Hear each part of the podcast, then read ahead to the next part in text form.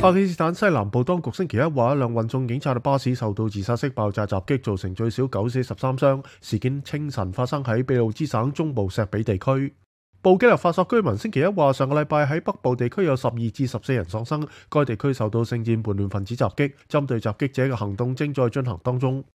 印尼星期一喺偏远嘅立土纳摄政区一个岛屿上暴雨引发山体滑坡，造成最少十一人死亡，几十人失踪，死亡人数可能会上升。